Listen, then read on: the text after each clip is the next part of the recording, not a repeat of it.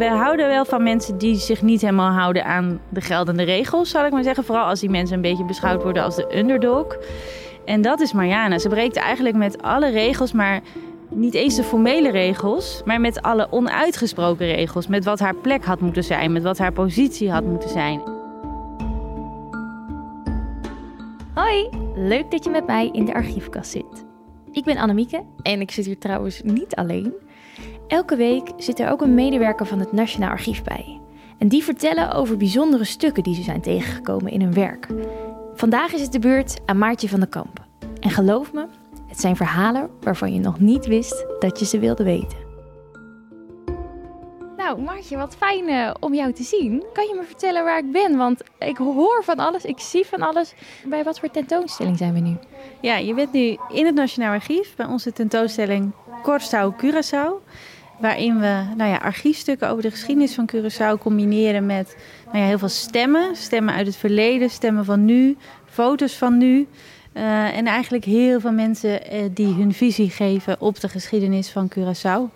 En jij vertelde mij dat je graag uh, iets wil vertellen over Mariana, Mariana Franco. En ik ben heel nieuwsgierig, want wat maakt haar zo bijzonder? Zij was een ongelooflijk zelfstandige vrouw die in de 18e eeuw op Curaçao leefde. Bij haar geboorte eigenlijk alles tegen zich had. Ze is geboren op Sint Eustatius in slavernij. Um, maar daar heeft ze zich eigenlijk weinig aan gelegen laten liggen. Want op het moment dat zij vrij wordt, uh, leeft ze ook echt het leven van een vrije vrouw. En eigenlijk als een hele moderne vrouw. En iemand die ontzettend opkomt voor haar rechten. Dat maakt haar verhaal het allerbijzonderst. En uh, we staan nu naast een vitrine. En in die vitrine ligt een, eh, een, een, boek wat er, nou ja, je kunt zelf wel zien dat het er materieel niet zo goed aan toe is. Het is op allerlei manieren ondersteund om het goed zichtbaar te houden. En wat dit is, dit is een 18e eeuws doopboek van de gereformeerde kerk van Sint Eustatius. Het begin uh, van waar we Mariana dus tegenkomen. Ja, we hebben, en dit is best wel bijzonder, haar doopakte. En waarom is dat bijzonder? Omdat um, zij geboren is in slavernij. Zij op achtjarige leeftijd uh, de vrijheid kreeg. We vermoeden van Margarita Lindesay. Uh, die was echt een dame uit de elite van Sint Eustatius. Um, die haar ook opgevoed heeft en haar heeft leren lezen en schrijven. Maar zij laten haar dus ook gereformeerd dopen. En dat was voor mensen met een zwarte huidskleur heel ongebruikelijk. Die waren bijna allemaal rooms-katholiek. Het is niet alleen dat zij gereformeerd is, wat heel bijzonder is. Hier staat ook haar geboortedatum in. Um, en, uh, en dan gaan we gewoon even spieken. We gaan even boven kijken. Want we zien dat zij in augustus 1725 wordt gedoopt. En dat zij geboren is op 28 juli 1718. En we zien ook dat haar moeder Christina heet. En haar vader, dat is veel moeilijker te lezen, die heet Frank of Franco. Dat valt een beetje van de pagina af. En dat kinderen die in slavernij geboren zijn, dat je daarvan de namen van beide ouders weet, dat is ook heel erg bijzonder. Want wat is er dan normaal eigenlijk te lezen? Alleen de naam van de moeder. Officieel hadden tot slaafgemaakte kinderen of kinderen die in slavernij werden geboren, hadden geen vader. Bizar. En hoe kan het dan dat het over haar wel is opgeschreven? Door die relatie misschien met die rijke mevrouw, die welgestelde mevrouw die haar ook heeft laten dopen? Waarschijnlijk wel. Uh, ik denk dat, dat hij misschien ook al een nauwe relatie had met die moeder, met Christina. En dat, dus, ja, dat daar een familie uh, kon groeien met een vader en een moeder, uh, wat heel uniek is. En nou ja, hier begint het verhaal. Deze stukken liggen bij een tentoonstelling over Curaçao. Hoe is ze daar terecht gekomen? Ja, dat is een goede vraag. Um, ik weet dat niet helemaal precies. Ik weet wel, één stuk zegt dat zij met die peetmoeder, die Margarita Lindesay, die haar waarschijnlijk ook heeft, de vrijheid heeft gegeven, naar Curaçao gaat. Uh, en ik ben er wel achter gekomen dat die Margarita Lindesay, die kwam uit een zeer vooraanstaande WC-familie. Maar haar vader wordt op een gegeven moment beticht uh, van fraude. Dus mogelijk is dat het moment geweest dat de familie Sint Eustatius de rug heeft toegekeerd. En dat zij naar Curaçao vertrokken zijn. En dat Mariana en ook haar moeder meegegaan zijn. En nou ja, daarna ontbreken er wat sporen. We weten niet precies hoe die relatie zich verder heeft ontwikkeld. Maar we weten wel dat Mariana op Curaçao het leven van een vrije volwassen vrouw gaat leiden. Ze krijgt een relatie met een Joodse man. Ze trouwen niet. Maar hij koopt wel een huis voor haar. De relatie houdt geen stand. Ehm, maar ze heeft wel dus echt een, een, bepaalde vrijheid en op een gegeven moment ook een bepaalde welstand. Want ze verkoopt ook een deel van dat huis aan iemand. Dus ze heeft gewoon eh, voldoende geld. En zij leeft daar een leven zoals een vrije vrouw op Curaçao dat deed.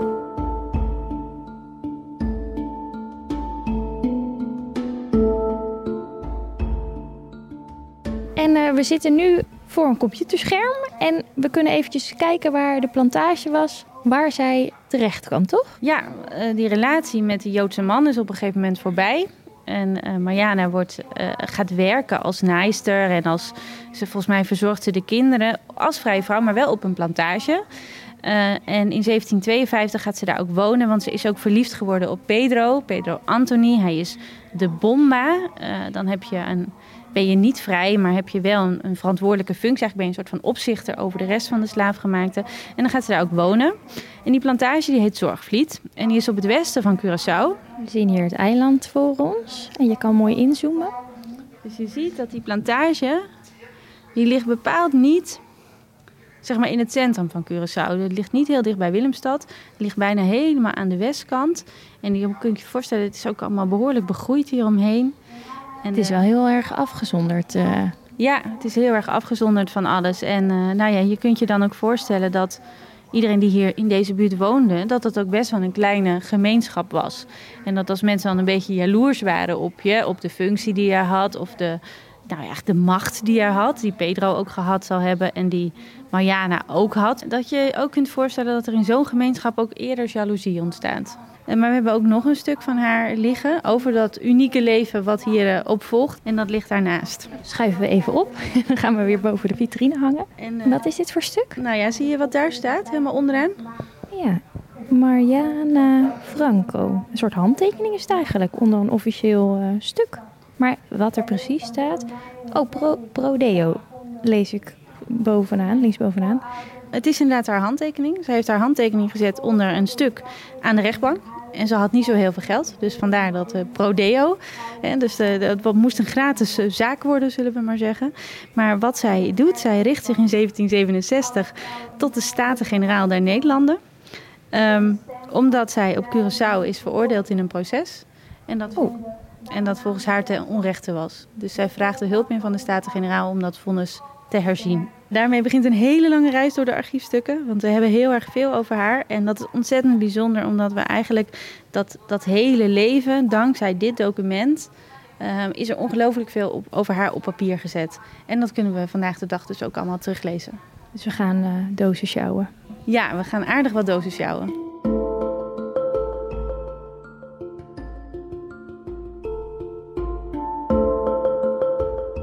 Ben nu uh, voor je klaar aan het leggen wat stukken van de Tweede West-Indische Compagnie. Ja. En zoals je kan zien zijn dat hele zware boeken, uh, ingebonden boeken. Gigantisch dik ook. Ja, hier zit eigenlijk het hele verhaal in, in correspondentie tussen de WIC-kamer van Amsterdam en die van Curaçao. Want ze willen van elkaar eigenlijk wel weten wat er aan de hand is. En even voor mijn beeld, wat is de WIC eigenlijk? Dat is de West-Indische Compagnie. En dat is een, eigenlijk een groot bedrijf wat in 1621 wordt opgericht. Uh, maar wel met taken voor de Republiek der Nederlanden. En zij moeten dus ook verantwoording afleggen aan de Staten-Generaal. En die West-Indische Compagnie die bestaat uit een aantal kamers in Nederland. En uh, dat zijn, uh, daarin zitten eigenlijk de mensen die belegd hebben in, die, in dat bedrijf. Om te zorgen dat dat winstgevend wordt, dat ze kunnen, uh, aan de slag kunnen. Maar wat ze eigenlijk doen als bedrijf is uh, tegen de Spanjaarden vechten. Op de zee tussen Europa, Afrika en Zuid-Amerika en ook Noord-Amerika. En ja, daar, uh, daar kapen ze en daar voeren ze oorlog en daar pikken ze land in. En Nederland wordt daar op een gegeven moment ook actief in de handel in slaafgemaakte mensen. En waar was Mariana dan voor aangeklaagd? Voor diefstal en heling. Hoe kan dat? Want zij was best wel een, een, welgestelde vrouw, toch? Ja, en daar wordt eigenlijk komt het hele ingewikkelde verhaal vandaan. Mariana was een heel ontwikkelde vrouw. Zij kon lezen, ze kon schrijven, ze kon goed praten, ze had geld. Er gaan ook wel verhalen in de archieven rond dat zij geld uitleende. Dus dat mensen ook bij haar in de schulden stonden. Um, en dat leidde waarschijnlijk wel tot allerlei problemen. Dat mensen toch een beetje moeite hadden met haar. Haar uh, vriend Pedro Anthony, die doet. Uh, eigenlijk heeft hij een beetje de leiding over alle andere tot slaafgemaakten. En hij houdt de, de magazijnen in de gaten. En, en zij helpt hem met lezen en schrijven als dat moet gebeuren. Nou, dat doen ze voor die plantage-eigenaar, maar die overlijdt. Dan blijft zijn weduwe achter, die houdt dit nog even zo aan. En die beschuldigt hen dan op een gegeven moment van diefstal en heling. En daar gaat het mis. Nu is het een beetje lastig. En mogelijk stond deze weduwe ook in de schulden bij Mariana. Oh, mogelijk? Want waaruit, waaruit blijkt dat misschien? Nou, Mariana had twee kisten in haar bezit met haar persoonlijke spullen. Eén daarvan is toen ze gearresteerd werd naar de politie gegaan en onderzocht om te zien of daar inderdaad geld of spullen in zaten die waren gestolen. Die andere kist, waar al haar persoonlijke papieren in zaten, haar vrijbrief, heel belangrijk voor haar, maar waarschijnlijk ook correspondentie en eventuele schuldbewijzen, die kist, die was kwijt. En dat is wel verdacht. Ja, en die is nooit meer teruggevonden. Dus misschien heeft zij daar wel een, uh, een handje in gehad dat ze die kist toevallig heeft laten verdwijnen. Ja, en die, uh, die beschuldigt haar en die houdt daar ook in vast. En uh, nou ja, ze worden opgepakt. Pedro eerst, dan zij. Ze is dan 40 jaar. Um, en ze worden allebei apart gevangen genomen, um, en verhoord meerdere keren. Pedro is gegezeld en die, uh, die bekent dan. En dan zullen, hebben we ook de stukken van. Dus ja, laten we maar kijken. In. pakken. Ja. Nou, we kunnen even hier naartoe. We gaan eventjes naar een verhoor. Dit, zo ziet een verhoor er eigenlijk altijd uit. Dan staat er even bij, ze noemen dat dan het nemen van informatie. Mm -hmm. En dan zien we aan deze kant zien we de vragen, aan de rechterkant van de pagina. En aan de linkerkant zien we haar antwoorden. Nou, dan vragen ze eerst haar naam, hoe oud ze is, haar geboorteplaats en haar religie. Dan zeggen zij uh, uh, of zij uh, van haar uh, vriend, ze noemen hem haar pol, dat is een, echt een beetje een scheldwoord. Um, van een, nou ja, een niet zo mooie buitenechtelijke relatie. Pedro, of ze van hem wel eens geld heeft gekregen. Nou, dan zegt ze nee, wel eens wat kleins, hè, want hij had zelf ook een stukje land. En als hij daar dan wat van verkocht, hè, dan kreeg ze dat wel eens. Um, en dan zeggen ze, weet je dan niet dat hij zijn meesteres bestolen heeft? En dan zegt zij, nee, dat is gewoon niet waar. En nou, zo gaat het een tijdje door. Er zijn meerdere verhoren. En eigenlijk wat het belangrijkste is in haar zaak, is dat ze geen enkel bewijs tegen haar hebben. Ze vinden geen geld. Tenminste, niks wat niet duidelijk van haar zou kunnen zijn. Ze vinden geen spullen, ze vinden geen getuigen. Ze vinden helemaal niemand die zegt dat zij iets misdaan zou hebben. Het enige wat ze hebben is dat Pedro bekent. Hè? Maar waar, waarom, waarom bekent hij nou? Omdat hij wordt gegezeld en dat hij wil dat dat stopt. En ze leggen hem, ja, ze mishandelen hem zo verschrikkelijk en ze leggen hem zo makkelijk de woorden in de mond dat het allemaal haar schuld is. En dat zie je ook, zijn processtukken zitten hier ook in. Dan kun je ook echt zien dat het de mensen die hen vervolgen eigenlijk lijkt wel meer om haar te doen dan om hem. Dat zie je ook aan de vragen van heeft zij je er niet toe aangezet, hè? zodat jij je ook vrij Heel sturend kopen. eigenlijk al meteen op haar. Ja, dus tegenwoordig zou je dit bij de rechtbank niet meer halen. Nee, nee, nee, dat zou meteen afgekeurd worden. Maar dat is dus het enige wat ze hebben en toch worden ze allebei veroordeeld. Dat kan toch niet? Ja, nou, dit is het vonnis. Het is uh, de fiscaal van het eiland, Hendrik van Hoogstraten, tegen Mariana Franco. Uh, en dan zeggen ze gewoon dat zij uh, de grove misdaad van heling en mede, medestand van dieverij, dat ze zich daaraan schuldig heeft gemaakt. En dat ze er ook nog over ligt. Dus dat nemen ze er dan ook nog heel erg kwalijk. En wat wordt er dan uh, besloten? Dat zij voor altijd verbannen wordt uit het resort van uh, de West-Indische Compagnie. Dus dat betekent eigenlijk het hele Caribische gebied. Dus ze kan ook niet naar Sint-Eustatius terug. En zij vraagt dan of zij in ieder geval haar spullen terug mag krijgen. Want nergens in dat vonnis is gezegd dat ze dat niet mag. Wel moet ze zelf de kosten van het proces betalen. Ook dat nog. Ook dat nog. Nou, dan blijkt dat zij zelf, en daar ga je misschien van schrikken, maar zij heeft ook mensen in haar bezit. Hè? Dat was op Curaçao, ja. En dat was de maatschappij van dat moment. Je weet ook nooit zo goed wat de relatie dan is. Um, of mensen uh, je eigendom waren zodat je ze kon beschermen. Of dat ze gewoon echt in dienst waren. Maar het was een vrouw met haar drie kinderen. Die worden verkocht. Ze ziet dat geld zelf nooit. En wordt ze in november van 1760 zonder wat dan ook afgezet op de kust van Jamaica. En waarbij je eigenlijk bij ieder ander normaal mens zou denken: dit was het. Ik weet niet hoe het is gebeurd, want daar hebben we geen documenten van. Maar zij is op Jamaica op een schip gestapt, een schip naar Engeland, waarschijnlijk naar Londen. En vanuit Londen is ze naar Amsterdam gekomen. Uh, en dan beent zij het hoofdkantoor van de West-Indische Compagnie in Amsterdam binnen en zeggen wat mij is overkomen, dit geloven jullie nooit.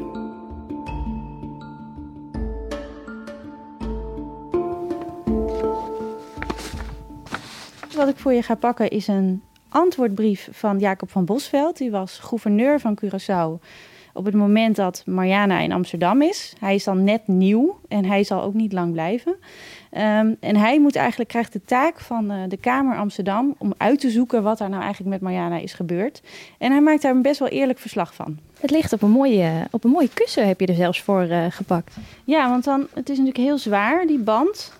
En als je dat helemaal plat ligt, dan heb je wel kans dat het zeg maar, uit elkaar scheurt. Dus zo heeft het oh, een wow. beetje steun. Wat staat er op de voorkant? Dit is een, uh, een band van leer, kalfsleer. En er staat op nou, dat het nummer 47 is van de brieven en papieren van Curaçao gestuurd aan de Kamer Amsterdam. En ze beginnen in juli 1760 en ze lopen door tot mei 1762. Dus dit is over nou ja, een kleine twee jaar aan brieven. Nou, we gaan uh, naar ver over de helft van dit boek. Dus we zitten namelijk al in 1761. Dus dit is eigenlijk een soort van oplegbrief waarbij die, uh, die nieuwe gouverneur zegt... nou, dit is waar ik jullie nu allemaal antwoord op geven. Het is best ingewikkeld. Daar gaan we ook wel achter komen dat de vorige gouverneur, Rodier... die haar eigenlijk veroordeeld heeft, die is net weg... En, en hij krijgt ook een beetje de taak. Mariana heeft uh, iedereen beschuldigd op Curaçao van, nou ja, dat zij allemaal op de hand waren van degene die haar beschuldigd heeft. Ook die gouverneur. Uh, dus dat plaatst deze nieuwe gouverneur in een hele ingewikkelde positie. En eigenlijk waren alle mensen die betrokken waren bij het proces tegen Mariana familie van degene die haar aanklaagde. Um, en dat maakt het heel erg ingewikkeld voor deze nieuwe gouverneur, die dus ook maar anderhalf jaar aanblijft. Ik vraag me een beetje af of deze zaak daarmee te maken had. Ja. Hij schrijft hier aan uw edele grootachtbare heren. Hij zegt van, nou ja, u heeft mij een, uh, een, brief gestuurd met in de annex de memorie van uh, Mariana Frank. Dus zij heeft eigenlijk zelf verteld wat haar uh, overkomen is. En dan zegt hij ook nog heel gedetailleerd klagende over haar aangedane mishandeling en injustitie. Um, dus nou ja, ik weet niet of hij het nou een beetje, hoe zeg je dat? neerbuigend over yeah, doet. Yeah. Of dat hij dit nou meent. Maar hij is in ieder geval gaan uitzoeken. En hij, hij schrijft dan terug dat er inderdaad een rechtszaak tegen haar geweest is. Um, dat, ze die, uh, dat ze terecht veroordeeld is. Daar blijft hij wel achter staan. Maar hij geeft ook wel toe dat inderdaad die hele raad die in dit proces betrokken was. Um, bijna allemaal familie was van degene die haar had aangeklaagd. Maar die zegt dan aan het eind heel flauw. Van jullie hebben me niet gevraagd om de processtukken. Dus ja, die hoef ik dan niet op te sturen. Hè? Dus we zijn bij deze, zijn we klaar. Wij vinden dit terecht. Nou, komt aan in Amsterdam. Die begint natuurlijk meteen te zuchten. Van verdorie, we willen wel die processtukken. En hebben we dat nou niet goed in die brief gezet? Het duurt tot 1765, de zomer van 1765. Dus we zitten nu al zeven jaar na de veroordeling. Um, komen die stukken eindelijk aan in Amsterdam. Gelukkig voor Mariana. Want die heeft ze nodig om bij de Staten-Generaal bezwaar aan te tekenen. De Staten-Generaal die houdt een beetje toezicht op de West-Indische Compagnie. Uh, dus als zij haar vonnis nietig wil laten verklaren, dan kan dat alleen bij de Staten-Generaal. En dan, uh, dan dient ze daar een request voor in, zoals dat zo mooi heet. Uh, dat hebben we dus net in de tentoonstelling bekeken.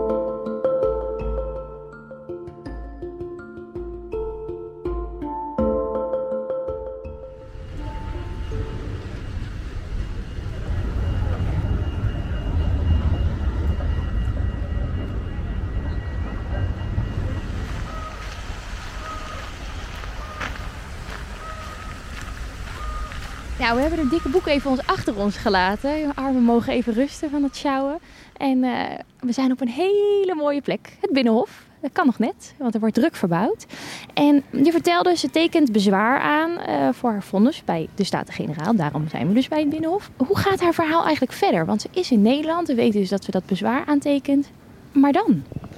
Ze is heel lang bezig. Hè? Het duurt jaren voordat eerst die stukken komen. En die stukken heeft ze nodig om dat vonnis aan te vechten hier bij die Staten-Generaal. Die gaan daarover. Uh, dus dit is de plek waar ze naartoe moet. En ze gaat met al haar processtukken. Ze schrijft een request. Meerdere. Haar advocaat schrijft ellenlange requesten. Uh, dat komt allemaal hier terecht. En dan moet die Staten-Generaal zich buigen over haar zaak.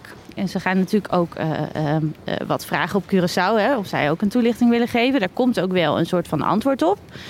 Um, en dat duurt dan tot 1772.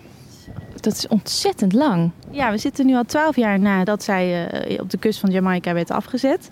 En al die tijd zit zij dus ook hier zonder geld of wat dan ook. Ja, ze zit in Amsterdam. daar weten we eigenlijk heel erg weinig van. Tenminste, ik heb daar geen archiefstukken van.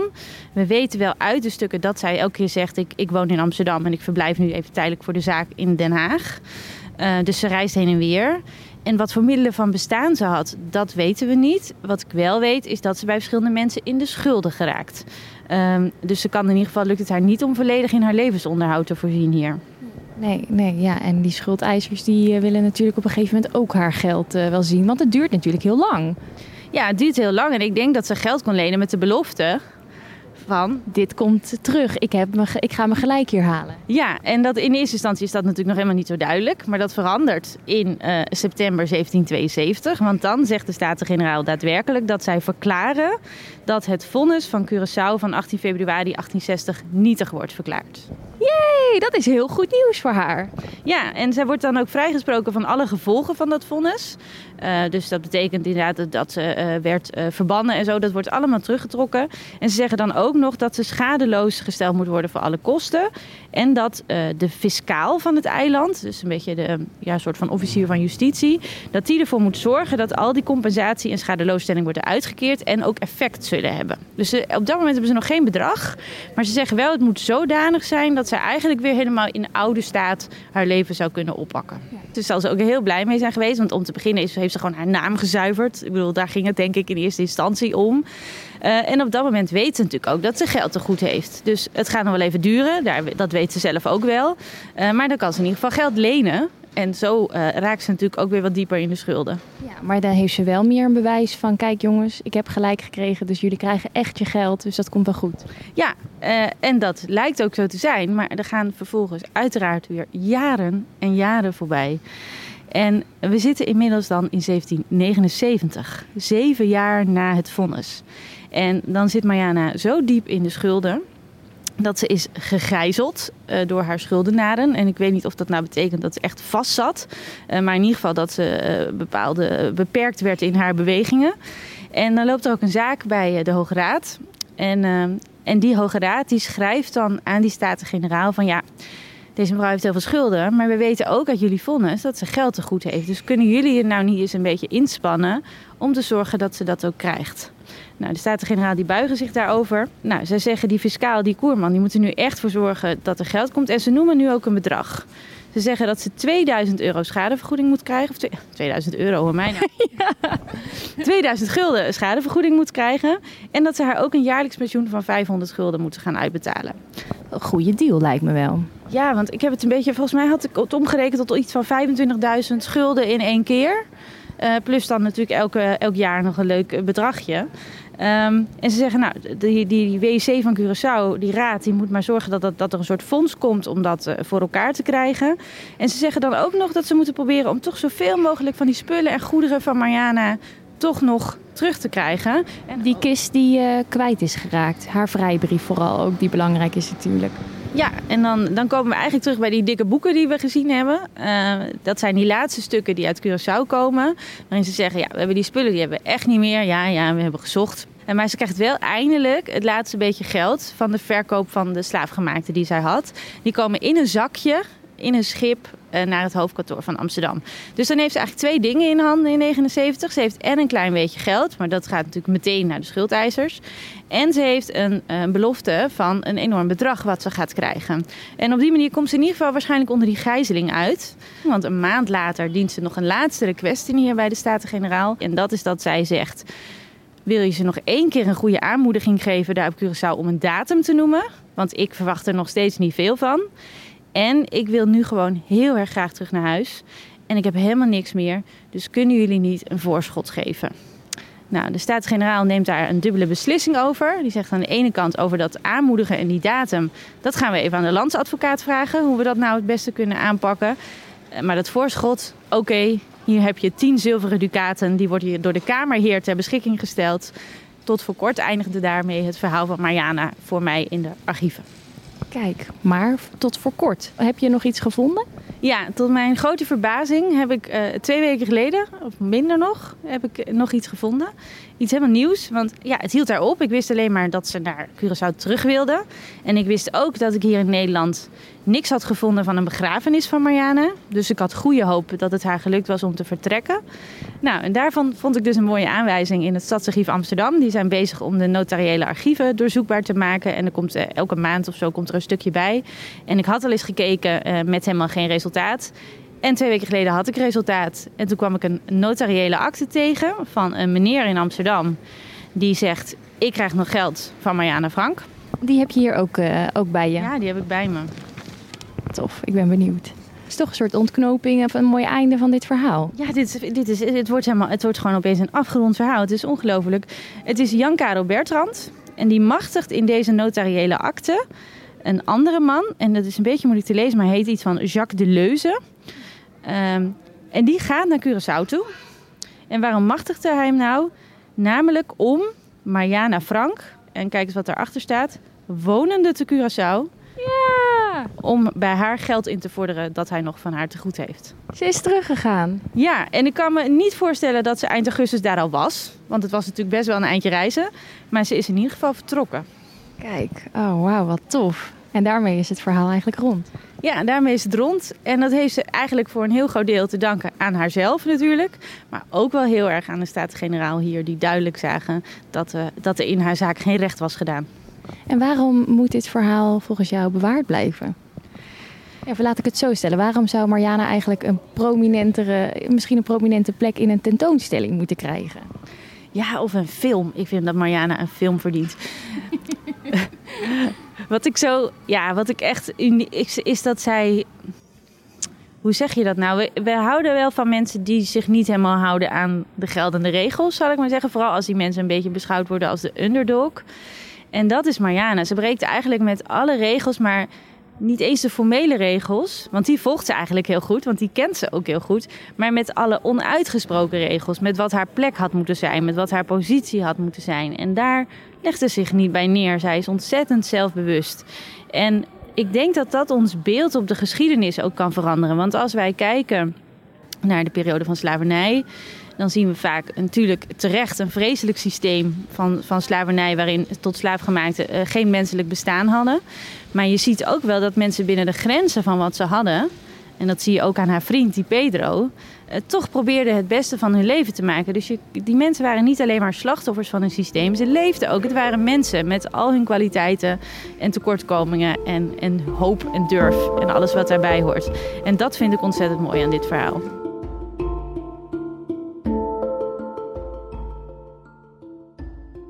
Zo, en dan doen we nu de archiefkast voorzichtig weer dicht. Tot volgende week!